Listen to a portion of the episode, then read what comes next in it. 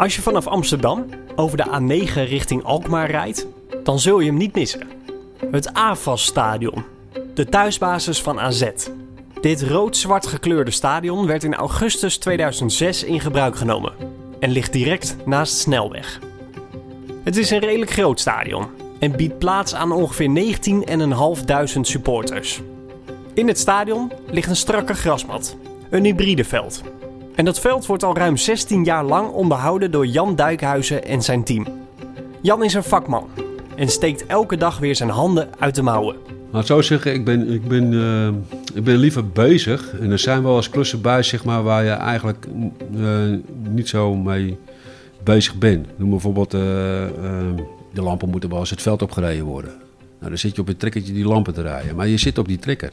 Dus je bent niet actief bezig. Maar dat is, dat is niks voor mij. Ik loop liever dan de lampen uit te klappen, te installeren... dan dat ik op dat trekkertje die lampen erop rijd. In deze podcastserie ga ik, Chris Vlaanderen, redacteur van Tuin- en Parktechniek... in gesprek met de fieldmanagers van de grote voetbalclubs. Wie zijn die mensen die de velden onderhouden? Hoe houden zij de grasmat groen, kort en gezond? En welke machines en technieken gebruiken zij daarvoor? Dit is Grasmannen... Met in deze aflevering Jan Dijkhuizen, fieldmanager van AZ.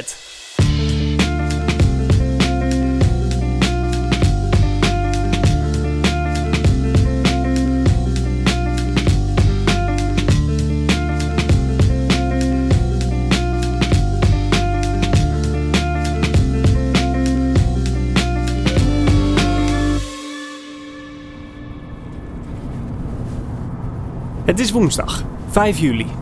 En ik heb met Jan Dijkhuizen om 10 uur afgesproken bij het stadion van AZ. Maar of dat nou zo'n goed idee is. 7 over half 9, dit zijn de hoofdpunten van het nieuws. Florentien, goedemorgen. Goedemorgen, Rijkswaterstaat adviseert mensen om niet de weg op te gaan nu het in sommige provincies code rood is.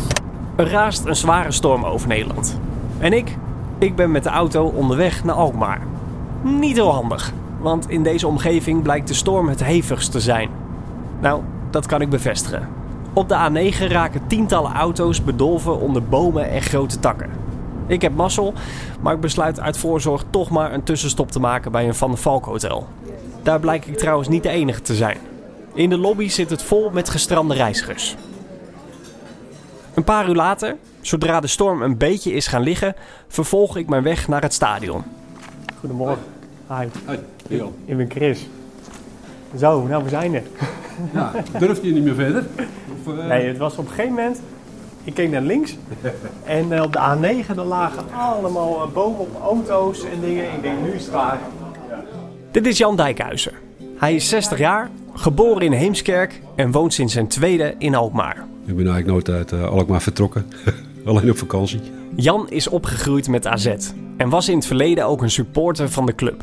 Maar toen hij bij de club kwam werken, is dat toch een beetje veranderd. Ik ben meer werknemer binnen AZ, zeg maar. Dat vind ik veel belangrijker dan dat je supporter bent. Want anders ga je, op, uh, ja, ga je soms ook met een, niet met een goed gevoel uh, naar je werk toe.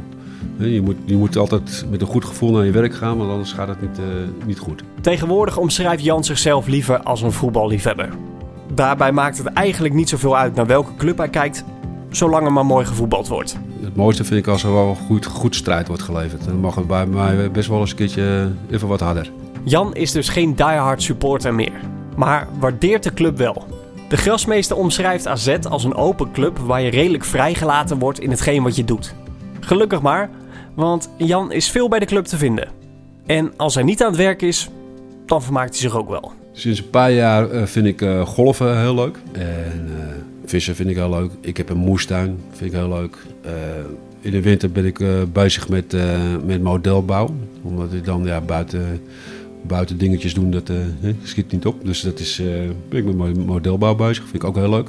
En ook vooral de, de, de elektrotechniek erachter. Weet je, dus als ik dingetjes heb, zeg maar, wat uh, dus uh, stuk is, dan haal ik die ledlampjes eruit en haal ik al die troepen eruit en zo. Dan kun je altijd nog wel wat anders van maken. Nadat Jan mij heeft opgehaald bij de receptie, wandel ik achter hem aan door allerlei gangen, spoelkeukens en wasruimtes. Uiteindelijk komen we aan bij de opslag en het kantoor van het grasteam. Het grasteam van AZ is trouwens niet heel groot. Ik werk met, uh, met Mathieu, dus met twee man. We nemen plaats in het kantoor van Jan en Mathieu. Hun werkplek is van alle gemakken voorzien Computers, een koffiezetapparaat, een koelkast en er staat een tv. Aan de muur hangen voetbalshirts, sjaaltjes, vaantjes, posters en oude informatieborden van eerdere Europese wedstrijden. Het is een klein museumpje. En dat vinden ze zelf ook. Op de deur hangt namelijk een papiertje waarop Museum der Oudheden is geschreven. Die naam die verwijst overigens niet naar de verzameling aan de muur, maar naar iets anders. We zijn natuurlijk wel best wel eh, mee bezig, zeg maar, om, om de mensen hier binnen de club voor te bereiden, zeg maar, dat er ook wel eens een keer een eind komt aan een eh, werkperiode. En die is, is nog wel eh, niet in zicht, maar je moet ook niet te lang wachten, zeg maar, met nieuwe mensen opleiden. Dus vandaar zeg maar dat hier ook het bordje museum hangt. Hoewel Jan het al over zijn pensioen heeft, mag hij nog zeven jaar bij de club werken. En eigenlijk vindt hij dat ook helemaal niet zo erg. Samen met Mathieu vormt hij een goed en gezellig team.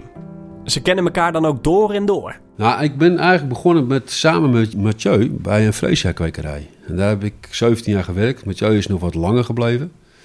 Die kwekerij die zou op de nominatie staan zeg maar, van, eh, van de gemeente Alkmaar om daar eh, woningen te gaan bouwen.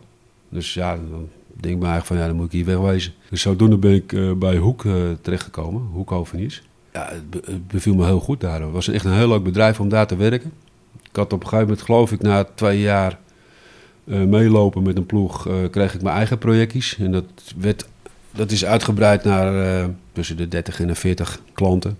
En het was ook een leuk bedrijf. Alleen het werk is wel heel erg intens en zwaar. En hele lange dagen.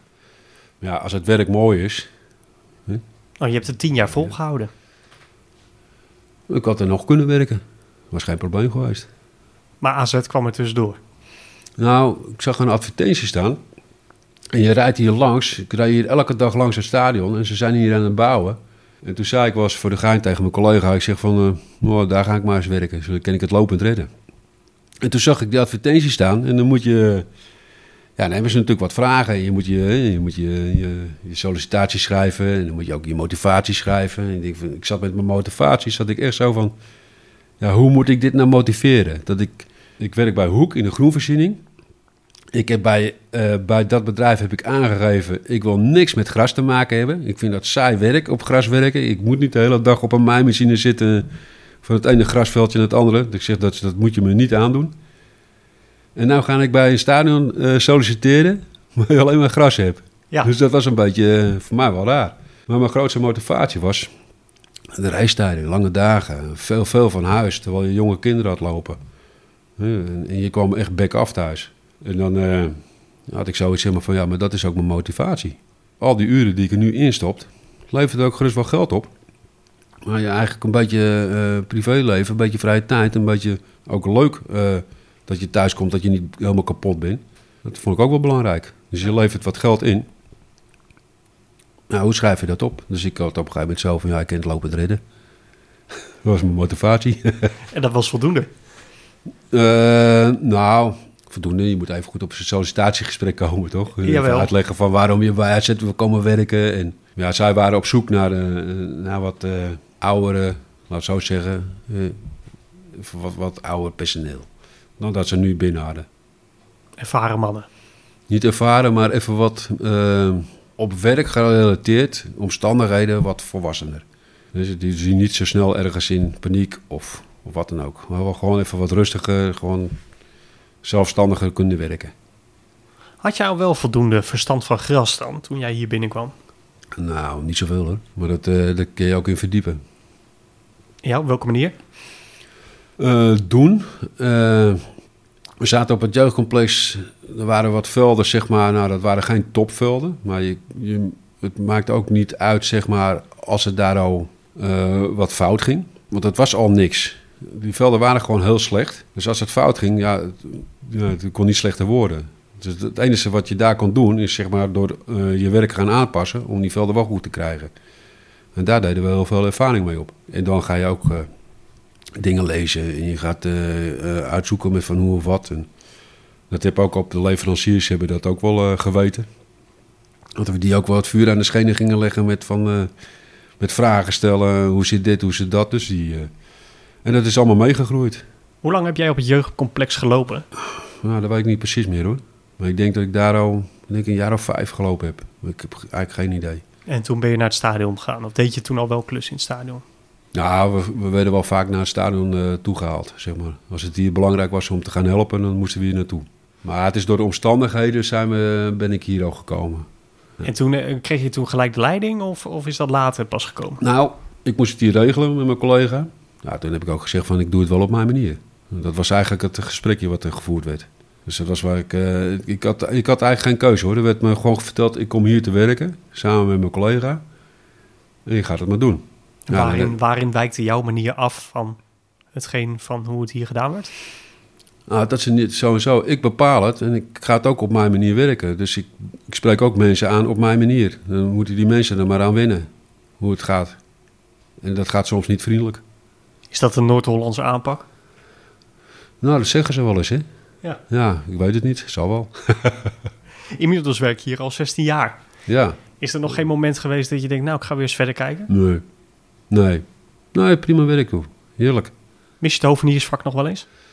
Nee, want ik heb mijn moestuin nog. Ik heb mijn eigen tuintje nog. En eh, nee hoor, nee, dat mis ik niet. Kijk, het, is, eh, het was wel heel mooi werk, dat wel. Je zit altijd in een hele mooie omgeving, werk je, als het goed is. Als je mooie, mooie klussen hebt. Ja dit, is, dit, ja, dit is ook wel uniek, vind ik. Jij onderhoudt hier eh, eh, de mat in, eh, in het stadion. Maar voorheen lag hier ook het trainingsveld hiernaast. Ja, Dat is einde verhaal. ja. Dus jullie hebben het wat rustiger gekregen. Nou, ja, de laatste jaren onderhielden we dat ook al niet meer, zeg maar, want dat besteden we hoofdzakelijk uit. Dat er iemand werd ingehuurd, die ging dat onderhouden of maaien. Want er werd eigenlijk al geen gebruik meer van gemaakt. Dus daar waren we al aan gewend. En we werkten hier ook nog met z'n drieën toen. Zeg maar. En ja, nu zijn we met z'n tweeën, dus ja, één man op het trainingsveld, twee man in het stadion. Het is eigenlijk niet rustiger geworden. Het is gewoon hetzelfde gebleven. En misschien kijken, omdat je wat ouder wordt, zeg maar, wordt het werk natuurlijk ook wel wat. laat ik zo zeggen, het doorbuffelen, zeg maar, dat moet je een beetje in de hand houden. Je moet wel een beetje om je eigen ook denken. Kijk, als je één dag, zeg maar, eh, eigen helemaal de eh, poot uit het lijf loopt, weet je gewoon dat je de volgende dag dat niet nog een keer moet doen. Dus dan moet je even, even slim mee bezig zijn. In het AVAS-stadion ligt een Grassmaster hybrideveld, waarbij er kunstgrasvezels in een natuurgrasmat zijn geprikt. Afgelopen zomerstop is er groot onderhoud uitgevoerd en is de mat opnieuw ingezaaid. Toen we dit gesprek opnamen, begin juli, was het gras al behoorlijk opgekomen. Maar het grasteam kampte toen wel met wat problemen. We gaan eigenlijk van de ene schimmelinfectie eh, overstappen we zo in de andere schimmelinfectie. Het is eerst te droog en dan te heet en dan weer te nat. En het is eigenlijk, ja, het is eigenlijk niet rustig. Ja, die schimmels houden zich ook niet rustig daarin. En dat is best wel heftig. Wat is nu... eh, want ik zie hier een hele lijst eh, met allerlei soorten schimmels. Welke... Ja, we hebben er nou eentje weer opgestuurd, zeg maar, eh, om te kijken of wat het is. Want ja, dat kunnen wij zelf niet zomaar eh, zien. Vind je dat zorgelijk? Nee, Je hebt er geen stress van. nee. Ja, het is zoals het is. Ja, nee, dat is waar. Maar goed, het nieuwe seizoen zit er ook alweer aan te komen. Ik zie hier achter mij het speelschema. Ja, Die is nee, niet mis. maar dat, dat komt wel goed. Kijk, en eh, de, de- het grootste probleem is eh, waarschijnlijk toch half september opgelost. En de competitie begint dan pas echt. Ja, daarvoor heb ik natuurlijk wel wedstrijden, maar echt die maanden, zeg maar, dan, eh, dan hebben we daar geen last van. We weer andere zorgen. Maar die, die schimmelinfecties die nu eh, actief zijn, zeg maar, die... eh, ja, het, het, komt, het komt vooral, zeg maar, met die renovatie begin je weer met, helemaal met een nieuw grasplantje. En dit grasplantje is echt heel zwak. Heel gevoelig voor, een, voor de infecties. Ja, dat is even een probleem. Als het grasplantje straks weer even wat weerbaarder is, zeg maar, dan heb je ook wel de skimmelinfecties, maar valt die niet zomaar weg. Kijk, en nu heb je zoiets, eh ja, je kan zomaar hele plekken eh, erin krijgen. Kijk, en hier hebben we nou te maken met het nieuwe dak, dat er eigenlijk geen windcirculatie meer is in het stadion. Daarvoor hadden we eigenlijk veel minder last zeg maar, in de zomermaanden van infecties. Sinds het nieuwe dak hebben we nu om de havenklap eh, een schimmelinfectie in het veld. Dus ja, die hele circulatie, dat is eigenlijk waarschijnlijk, waarschijnlijk het probleem. Als we die kunnen, dat kunnen tackelen, zeg maar, hebben we misschien in de hand. Op dit moment hebben we dat niet. Moeten jullie ook aan de ventilatoren? Nou, daar zijn we mee bezig, zeg maar. Ik hoop wel dat er eentje, eentje komt. Het geeft geen garantie, maar dan heb je er wel in ieder geval ook dat, zeg maar, eh, iets aan gedaan. Jan haalde het al aan. Er is een nieuw dak op het stadion gekomen. De reden hiervoor is dat het vorige dak in augustus 2019 gedeeltelijk instortte tijdens een hevige storm. Wonder boven wonder raakte hierbij niemand gewond. Wel moesten het dak en de constructie volledig vernieuwd worden. Het stadion was daardoor lange tijd niet overdekt. Voor de supporters was dat op regenachtige dagen niet zo prettig. Maar voor het gras was het wel goed. Ja, ja, ja zeker. Het eh, grasmat die, eh, zag er echt... eh, ja, dat, daar hadden we echt voordeel van. Veel meer licht op het gras. En dat was zeker eh, een heel groot voordeel. ja, ja. Goeie, veel wind in het stadion. Maar ja, wat, was dat zo duidelijk te Ja, merken, dat ja, verschil? Ja, ja, ja, echt. We hebben echt gemerkt. Ook met, ook met lichtinval hebben we echt gemerkt zeg maar, dat het veel buiten ging. Dus ja, dat dak had wat jou dat betreft eh, er niet meer op Nou, het heeft een voordeel en nadeel. Ik heb het ook wel eens van, eh, daar hebben we het ook wel eens gehad met eh, collega Erwin Bermon. Die zei ook al van, ja, we hebben het ook wel eens gehad van, joh, ik heb ook liever een, een overdekt stadion. Want je hebt veel meer dingen in, kun je in de hand houden. De regenperiode, zeg maar, ja, dak dicht en je hebt geen regen op je veld. Dat is lekker hoor. Kijk, in andere dingen, als je geen licht hebt, nou, dan zet je lamp op het veld. Heb je geen wind, zet je ventilatoren aan. Maar als jij een open dak hebt, ben je toch afhankelijk van de weersomstandigheden. En die heb je niet in de hand. Maar ja, dan denk ik toch altijd nog zelf persoonlijk. Als jij een eh, open stadion hebt, zeg maar, dan heb je misschien het weer niet in de hand. Maar het is beter voor het gras. Kijk, als jij een eh, dicht stadion hebt, het is wel lekker dat jij de weersomstandigheden, eh, die invloed heb je dan niet meer. Dat is prettig met een wedstrijd. Dat je bijvoorbeeld geen zorgen hoeft te maken dat zo'n eh, eh, een veld eh zeiknat is of onder de sneeuw met een wedstrijd. Maar voor het gras is het niet goed, een dicht stadion. Dus moet je allemaal hulpmiddelen, hulpmiddelen hebben om een, een, buitensi- een buitensituatie te creëren. Dus ja, als je al een buitensituatie hebt, hoef je die niet te creëren. Kijk, en als het dan eens een keertje heel slecht weer is, vlak voor een wedstrijd, ja, nou jammer dan. Ja, Maar er is hier een nieuw dak opgekomen. Jij zei al van, de, de, de, er is wat minder wind in het stadion. Hoe Ja. komt dat dan? Is het een ander model dak? Of is die Ja, het is een ander model dak.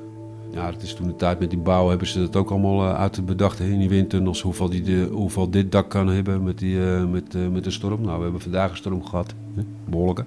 code rood. Ik wilde net aan je vragen, zitten we vandaag hier- hier veilig? En hier in de stadion gebeurt gewoon helemaal niks. dus ik denk dat dat wel bewezen is. Het dak zit er nog op. Ja, dat doet echt helemaal niks. Maar die, eh, en op het veld ook. Het was gewoon rustig. Het is niet prettig op het veld met die regen, maar ja, er staat geen wind meer. Ja, dat zegt al genoeg, hè. Dat is goed voor de skimmeltjes. Het nieuwe dak is dus een stuk veiliger, maar heeft op de grasmat wel wat effecten. Zo is er meer schimmelvorming. Om deze schimmels chemievrij te lijf te gaan, gebruiken Jan en Mathieu een UVC 180 van de Nederlandse fabrikant SGL. Dit is een klein karretje met drie wielen waarmee je over het veld loopt. Tussen de achterwielen en het voorwiel zitten 10 lichtarmaturen. De lampen schijnen over een breed van 1,8 meter UVC-licht op het gras. Volgens SGL tast dit licht het DNA van de schimmels aan en zorgt het ervoor dat deze verdwijnen.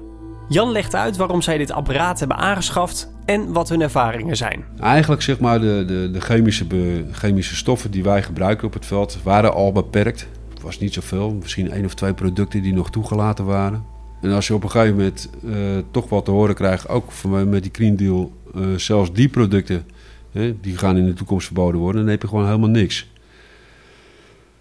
Ja, dan denk ik bij mij van, weet je wat, als het toch in de toekomst zo moeilijk wordt, zeg maar, om met chemicaliën eh, je gras, eh, de, infectie te bestrijden, wat je eigenlijk vaak al achteraf doet, je bent eigenlijk al te laat, dan kun je beter inspringen op iets eh, wat er nu al voorhanden is en ga daaraan wennen, aan die situatie. Nou, dat is dan die UVC. Ik wil niet zeggen dat hij het bestrijdt.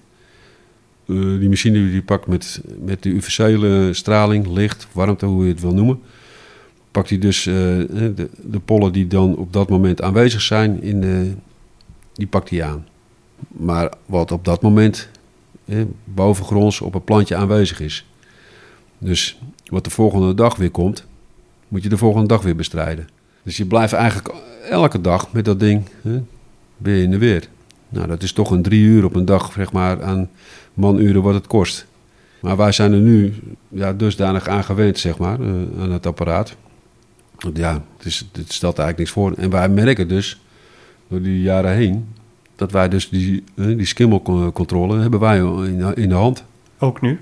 Nee, ja, dat is weer een ander probleem die erbij is gekomen. Die- kijk, wij spreken nu zeg maar... eh, ik heb het nu over het AZ-stadion. AZ-stadion is veranderd qua dak, qua lichtstroom. Dus we hebben een probleem erbij. Nu hebben we het niet in de hand. Ook niet met de UVC. Dus je moet weer terugvallen op de producten. Wat we eigenlijk niet willen. En dat hadden we voordat, voordat dat dak gerenoveerd werd, hè, voor het andere dak, hadden we het wel in de hand. Misschien moeten we dan zeg maar de hele dag met het apparaat lopen. Ja, precies. Ja. En daar is de tijd niet voor. Nou, misschien moeten ze eens een keer een apparaat ontwikkelen, zeg maar, die hè, autonoom gaat. Nou ja, dat Ja. is niet eens zo'n gek idee, toch? Ja, ja. Dus een tip, dat zou ideaal wezen. Dus dit is een oproep Ja. aan alle fabrikanten op deze wereld. Ja, denk erover na. Ja. Welke, welke schimmels moet hij kunnen bestrijden? Eh, ja, eh, hier op die lijst staan een aantal schimmels. En er staat ook gewoon bij, zeg maar, wat, hoe die ontstaat, hoe, die, hoe je het kan bestrijden, hoe je, welke methode die mechanisch kan eh, hanteren, zeg maar, om het te voorkomen of te onderdrukken. Maar er staan gewoon bij een aantal schimmels staat bij, zeg maar, dat die toch wel reageren op het UVC-straling. Geloofde jij gelijk in die techniek? Nou, die techniek was er al. Die techniek was er sowieso al in vijvers. En, en vroeger eh, eh, was het ook al in de tuin, eh, tuinsector. Ja, Jawel, maar ik kan me voorstellen als jij de eerste keer een rondje met dat apparaat maakt hier over het veld, dat je denkt, waar ben ik eigenlijk mee bezig? Want je ziet niet je resultaat direct. Ja, dat hoor ik wel veel van eh, collega's, heb ik dat gehoord. Dat je het resultaat niet ziet. Kijk, wij, eh, wij zagen het resultaat wel. Want je had op een gegeven moment eh, bepaalde periodes, en dat wisten wij op een gegeven moment ook wel. eh, dat je in bepaalde periodes, onder dezelfde omstandigheden, had je een schimmelinfectie en die kwam gewoon elk jaar terug. Elk jaar dezelfde periode, onder die omstandigheden, schimmelinfectie. Dus dat wisten wij. En het mooiste was zeg maar dan die schimmelinfectie die je in de wintermaanden had. Want had je best wel, het blijft nat en het is, eh, het is gewoon voor het plantje niet, niet, niet fijn weer. De betreding, eh, beschadiging op het veld. De UVC die pakt die schimmelinfectie aan. Die hadden wij niet meer. Dan ga je kijken in het gras van hoe komt dat nou? We lopen alleen maar met dat ding op het veld. Voor de rest doen we helemaal niks. Niks anders. Alleen met dat ding lopen we in die periode op het veld. Dan ga je het gras van dichtbij bekijken en dan zie je toch dat het wel in het gras aanwezig is. Oh, en hij explodeert niet. Ja, ik, het hoeft niet bewezen te worden voor mij, maar het is voor mij wel een bewijs dat het werkt. Want anders moesten wij altijd in, in die periode ook een, een, eh, een middel gebruiken. Jullie hebben dit apparaat wel eerst op proef gehad. Jullie hebben hem niet gelijk gekocht. Nee, ze, eh, de, zeg maar de leverancier, de fabrikant van deze, die is naar een aantal stadions, of misschien alle stadions in Nederland, heeft die, die, die eh, twee of drie maanden bij een stadion neergezet met van joh, ja, dit is het alternatief voor chemicaliën. Dus eh, gebruik hem even een paar maanden, kijk wat je eraan hebt. Nou, net wat je net al zei, van een hoop mensen zagen niks gebeuren. Ja, zie ik niks gebeuren. Ja. Als, ik- als ik vaste kunstmest op het veld gooi, dan zie ik ook nog niks gebeuren. Nee. Het is toch niet zo, zeg maar, je bent toch geen kozijn aan het verven of zo dan ook.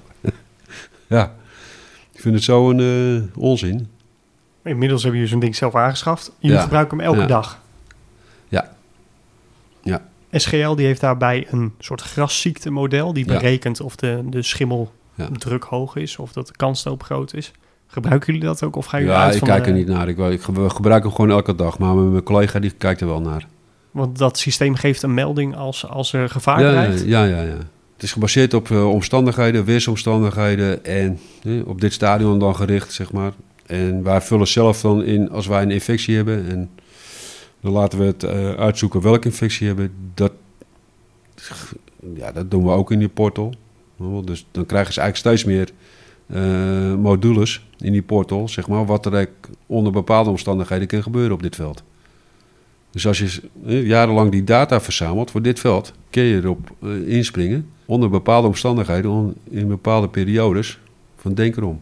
Werkt dat nauwkeurig? Het klopt. Het probleem is alleen zeg maar dat je. Kijk, als, je, als ik vrijdag wegga. Kijk, als er zaterdag iets ontstaat in het veld. En zondag breidt het zich uit. En maandag zie ik het. Ja. je bent hier niet altijd, hè? Dus de eigen kennis en ervaring die is eh, misschien nog wel belangrijker dan het model. Nou ja, vind ik wel. Ja. Je doet drie uur over een veld. Ja, Hoe snel kun je dan ongeveer lopen? ik heb geen idee. Nee. Wat zou het wezen? 4 kilometer per uur? Maar drie uur, dat is een hele, hele klus. Nou, valt mij, je bent hier 8 uur op een dag. Zou je dit, dit met die UVC, kun je dat niet combineren met een andere bewerking? Dat je ze achter op de maaier schroeft? Ik noem maar even iets. Maaien doe je ook iedere dag.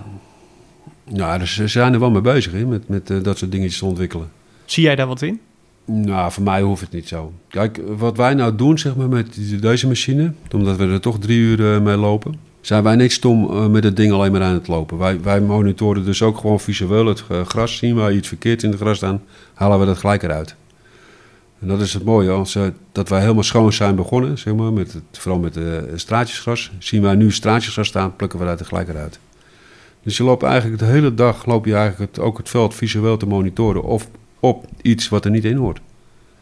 En dat scheelt echt heel veel straatjesgras, kan ik je vertellen. Dat is ook wat Als je dat waard. elke dag doet, zeg maar, elke dag haal je het, het eruit. Scheelt hoor. Ja, precies. Dus het is niet alleen belichten. Nee. Op dat moment. Ja. Kun je hem ook gebruiken, eh, gebruiken als het veld nat is?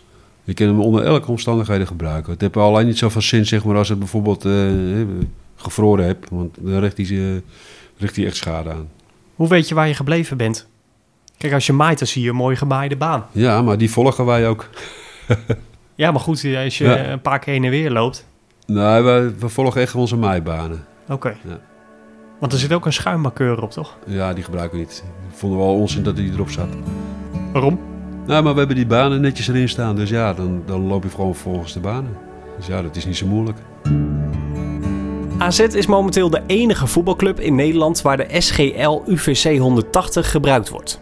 Volgens de fabrikant draait dit apparaat al wel op meerdere plekken in Spanje. Doordat het daar warmer is, zijn de schimmels een stuk agressiever dan in Nederland. Het probleem is daar dus veel groter. Ook in Duitsland is de UVC-machine populair. Dat komt met name doordat de regelgeving daar, met betrekking tot het gebruik van chemische middelen, een stuk strenger is. Ook in Nederland mogen grasmeesters steeds minder middelen gebruiken. De UVC-techniek wordt daardoor steeds interessanter. Maar kan deze techniek de chemische middelen eigenlijk al vervangen? Wij gebruiken eigenlijk sinds we dat apparaat hebben geen chemicaliën meer. Totdat we zeg maar eh, vorig jaar de eerste keer een, een uitbraak hadden. Dat was eigenlijk de eerste keer dat we wel weer bewust met chemicaliën gespoten hebben. We hadden vorig jaar ook een, een, periode dat het te lang, te heet, te droog was geweest. En dat was een, een, eh, op een bepaalde plek in het veld dusdanig stressvol dat we daar ook een skimmel in hebben ge, eh, eigenlijk in hebben gecreëerd. Niet gekregen, we hebben het zelf eigenlijk door ons eh, stommiteiten misschien, weet ik niet. Maar dat hadden wij niet goed. Eh, dat hadden we kunnen voorkomen. Maar we hebben daar wel een skimmel door gekregen die behoorlijk agressief is. En ja, dan moet je ingrijpen. Anders gaat het echt, eh, echt heel snel. Ben je misschien binnen een dag veld kwijt, twee dagen. Dus dan moet je. Heb je nu ook al moeten ingrijpen? Ja. Ja. Dus UVC-techniek, het is mooi. Het draagt bij, Nou, ik maar het denk, dat, vervangt nog niet. ik denk dat als wij met deze schimmelinfectie zeg maar niet met de UVC hadden gelopen, dan was de schade nog wel erger geweest. Dus we houden hem wel beperkt. Alleen ja, hij kon, hij kon het ook niet aan. De veldspuit kan nog niet verkocht worden. Nee, maar eh, kijk, misschien door de ervaring, zeg maar, moet je er wel gaan achterkomen hoe je bepaalde omstandigheden, zodat die skimmel niet, niet gaat ontwikkelen. Die, die ervaring moet je eigenlijk eh, je eigen maken. En als je dan eh, dat onder de knie hebt, wil het nog niet zeggen dat het lukt, maar hoe meer ervaring je daarin krijgt en ook de tools, zeg maar, om dat te voorkomen, nou, dan denk ik wel dat je op een gegeven moment naar een echt chemievrij beheer kan. Ja, wij gebruiken eh, echt alleen maar in, in, noodsituaties een chemicaliën. Nou, dat is nu eh, twee keer gebeurd. En die UVC hebben we denk ik al een jaar of zes. En da- daarin hebben we nooit meer een chemicalium gebruikt. Terwijl het anders normaal zo een drie keer in het jaar gebeurde. Minimaal. Maar zoals dat middelenpakket, dat wordt steeds verder teruggeschroefd. Ja. Er mag steeds minder. Maar, maar daarin, eh, de eerste vraag was van, wat zijn nou de, wat heeft het bijgedragen dat, er zo, dat die grasmat in die loop der jaren zo goed is? Nou, de bijdrage was dat je veel meer middelen, zeg maar, toegankelijk waren voor de BVO's. Op een gegeven moment heb je wel een dusdanige keuze, een dusdanig druk programma met, met spuiten. Wij hebben wat met die UVC, hebben dat ook weer teruggebracht.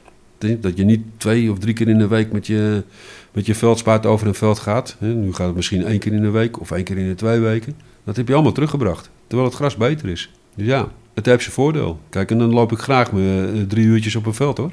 Nou, je jullie zijn een van de weinigen die dit apparaat gebruiken. Verwacht jij dat er zometeen meer clubs gaan volgen? Ja, ik denk het wel. Ik denk het wel. Kijk, ik, ik heb wel gehoord, zeg maar, dat eh, sommigen die wouden echt wel dat apparaat aanschaffen. Maar ja, dat zit natuurlijk ook, je moet het ook verantwoorden qua kosten. En ga het maar uitleggen, zeg maar, dat een apparaat waar je niets van ziet, zeg maar, wat het effect is. Leg het maar uit aan, aan de financiën van wat je nou weer wil. Is het een kostbaar apparaat? Ja, ik denk dat je dat plaatje moet zien. Je hebt een betere grasmat. Je gebruikt geen eh bestrijdingsmiddelen meer. En die zijn ook niet goedkoop. Dus het verdient zich terug. Ja, maar ik denk dat als jij een grasmat die eh, dusdanig zeg maar, beschadigd is... die je moet vervangen, dat je dan heel duur uit bent. Toch, dat apparaat is best wel een tijdje al op de markt. Maar je ziet hem nog niet op heel veel plekken. Ja, je hebt het over de kosten. Ik denk dat die kosten dat, dat, dat niet belangrijk is. Ik denk dat eh, hoofdzakelijk de knaasman die tijd die hij overdag kwijt is... dat dat het grootste probleem is. Jullie lopen elke dag met dat ding. Ja. Kun je ook een overdosis UVC geven? Nee, volgens mij niet. Ja, je moet het. eh, nee, maar er zit ook een beveiliging in. Eh, dat als je hem stil laat staan, zeg maar, op, op één plek, zeg maar, gaat hij op een gegeven moment gewoon uit. Want dan zou die het gras kunnen aantasten. Ja, maar ik, nee, dat, dat, kijk, we gaan het ook niet uitproberen. Afgelopen weekend is het voetbalseizoen alweer begonnen. AZ speelde de eerste eredivisiewedstrijd op de nieuwe grasmat. Desondanks blik ik met Jan toch nog even terug op de veldkwaliteit van vorig seizoen.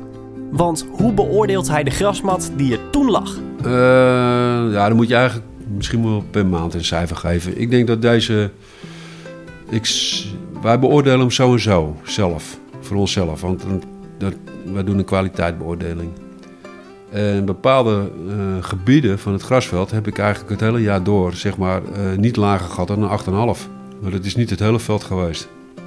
Kijk, ik heb hier voor de hoofdtribune, heb ik hem op een gegeven moment, eh, zat ik tegen een 6 aan. Kijk, en op een gegeven moment zie je ook wel een strijdgebied vanaf het doel, hè, middencirkel, een andere doelgebied. Dat je daar ook op een gegeven moment richting een 7 ging. Maar er waren ook stukken bij, zeg maar, ja, daar kwam ik niet lager dan een 8,5. Dat bleef gewoon goed. Er zag ook geen schade in ontstaan. Maar om het algeheel een cijfer te geven. Ja, begin van het seizoen zat hij misschien op een 9. En het eind van het seizoen zat hij ook op een 9. En daartussenin Zakte die even terug. zak je even terug, ja. Waar zat dat hem in? Je hebt op een gegeven moment wel een periode dat je heel veel wedstrijden achter elkaar krijgt. In een omstandigheid zeg maar, waar, je, waar het gras kwetsbaar is. Eind november, december, januari. Ja, ga je daar heel veel wedstrijden in, in verzinnen, hè, achter elkaar. Nou staan er ook, eh, nu staan er bijvoorbeeld twee wedstrijden in december. Eentje op zaterdag, eentje op zondag. Dus je hebt in acht dagen twee wedstrijden. Nou, verzinnen ze daar ook nog eens een Europese wedstrijd tussendoor met een training. Heb je zo in acht dagen dus eh, drie wedstrijden en een training. En dan moet je tussendoor moet je ook nog je, veld prepareren. Ja. Ja. hoe dan? Lig je er s'nachts wel eens wakker van? Nee. Nee. Nee, het is alleen maar eens een keertje gebeurd, zeg maar, met hele strenge vorst, zeg maar, van joh, eh, hoop, hoop dat die veldverwarming niet uit, eh, uitvalt. Maar dan denk je ook bij je eigen van, ja, maar heb ik dat dan in de hand? Ja. Dat heb ik ook niet in de hand. Nee, dat dat zijn toch maar eh mechaniek. Ik heb één keer wel dat ik thuis kwam, dat ik dacht bij mij eigen van... Nou, ik hoop toch wel dat ik het goede product het, op het veld heb gespoten. en toen heb ik echt wel... eh, toen had ik echt zoiets zeg maar van... nou, weet je wat, ja, heb ik het verkeerde erop gespoten. Dan zie ik hem morgenochtend wel en dan geef ik iedereen een hand en dan ben ik gewoon weg. En... eh, Maar toen heb ik wel die twee producten die in de kast stonden eh, uit elkaar gehaald. Het was de Roundup die verwisseld werd met... De, de Roundup had precies dezelfde uiterlijk qua kannetje, qua tekst, qua dop als een ander middel. Oei, oei, dat zijn benauwde momenten als je dat... eh, Ja, En hoe is dit afgelopen? nou het was goed. Ik had het goede middel gebruikt. Maar ik heb wel die, die kannetjes heb ik wel goed uit, uit elkaar gezet. Ik denk, Zo. dat, dit wil ik niet nog een keer meemaken. Maar het is de ene keer geweest. ja, toen had ik echt zoiets van, nou, ik hoop toch wel dat ik het goede... Nou, dan ga je twijfelen aan jezelf, hè. Ja. Dit, eh, deze podcast wordt ook veel geluisterd door eh, de mensen die bij de amateurclubs de velden onderhouden.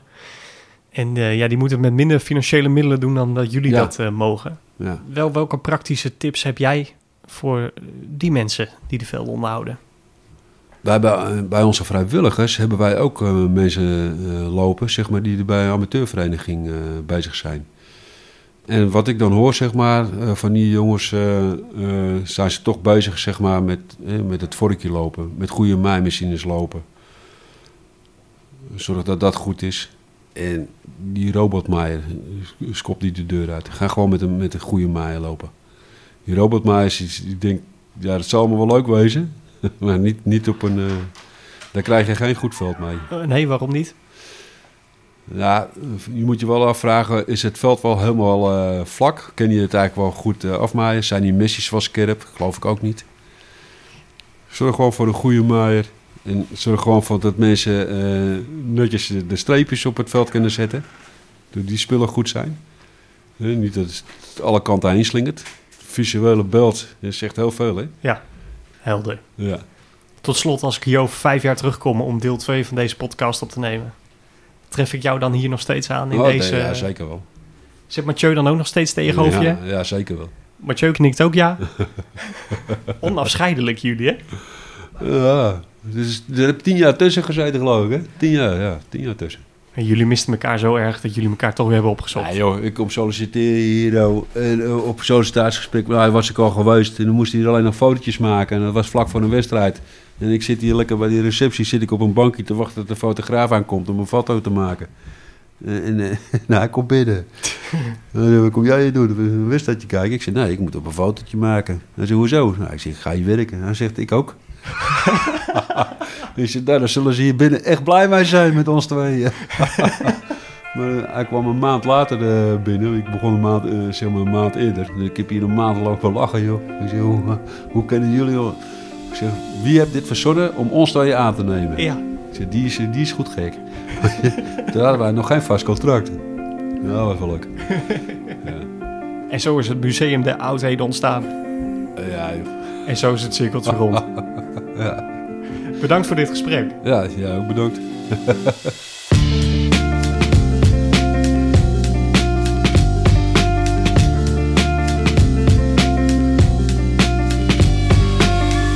Dit was de vijfde aflevering van Grasmannen, een podcastserie van Tuin en Parktechniek. In de laatste aflevering ga ik in gesprek met Arnold Brans. Hij is fieldmanager in het Gelredoom, de thuisbasis van Vitesse in Arnhem. Wil je op de hoogte zijn van de nieuwste techniek in de groensector? Bezoek dan de website en lees het vakblad van Tuin en Parktechniek. En wil je nog meer weten over sportveldonderhoud? Kom dan naar Grasmannen Live. Donderdag 21 september in Stadion de Wageningse Berg in Wageningen. Tijdens dit evenement delen aannemers en gemeentes hun ervaringen met het gebruik van robots op voetbalvelden. Zo komen onder andere Martien Wursten van Donkergroen, Henk Slootweg van AH Vrij en Patrick Balemans van de KNVB spreken. Wil jij erbij zijn? Meld je aan via grasmannen.nl.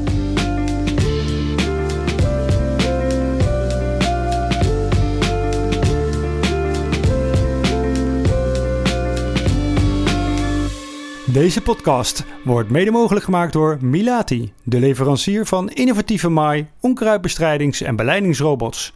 En door Husqvarna, toonaangevend in professioneel grasonderhoud op het gebied van robotisering, productinnovatie en energietransitie.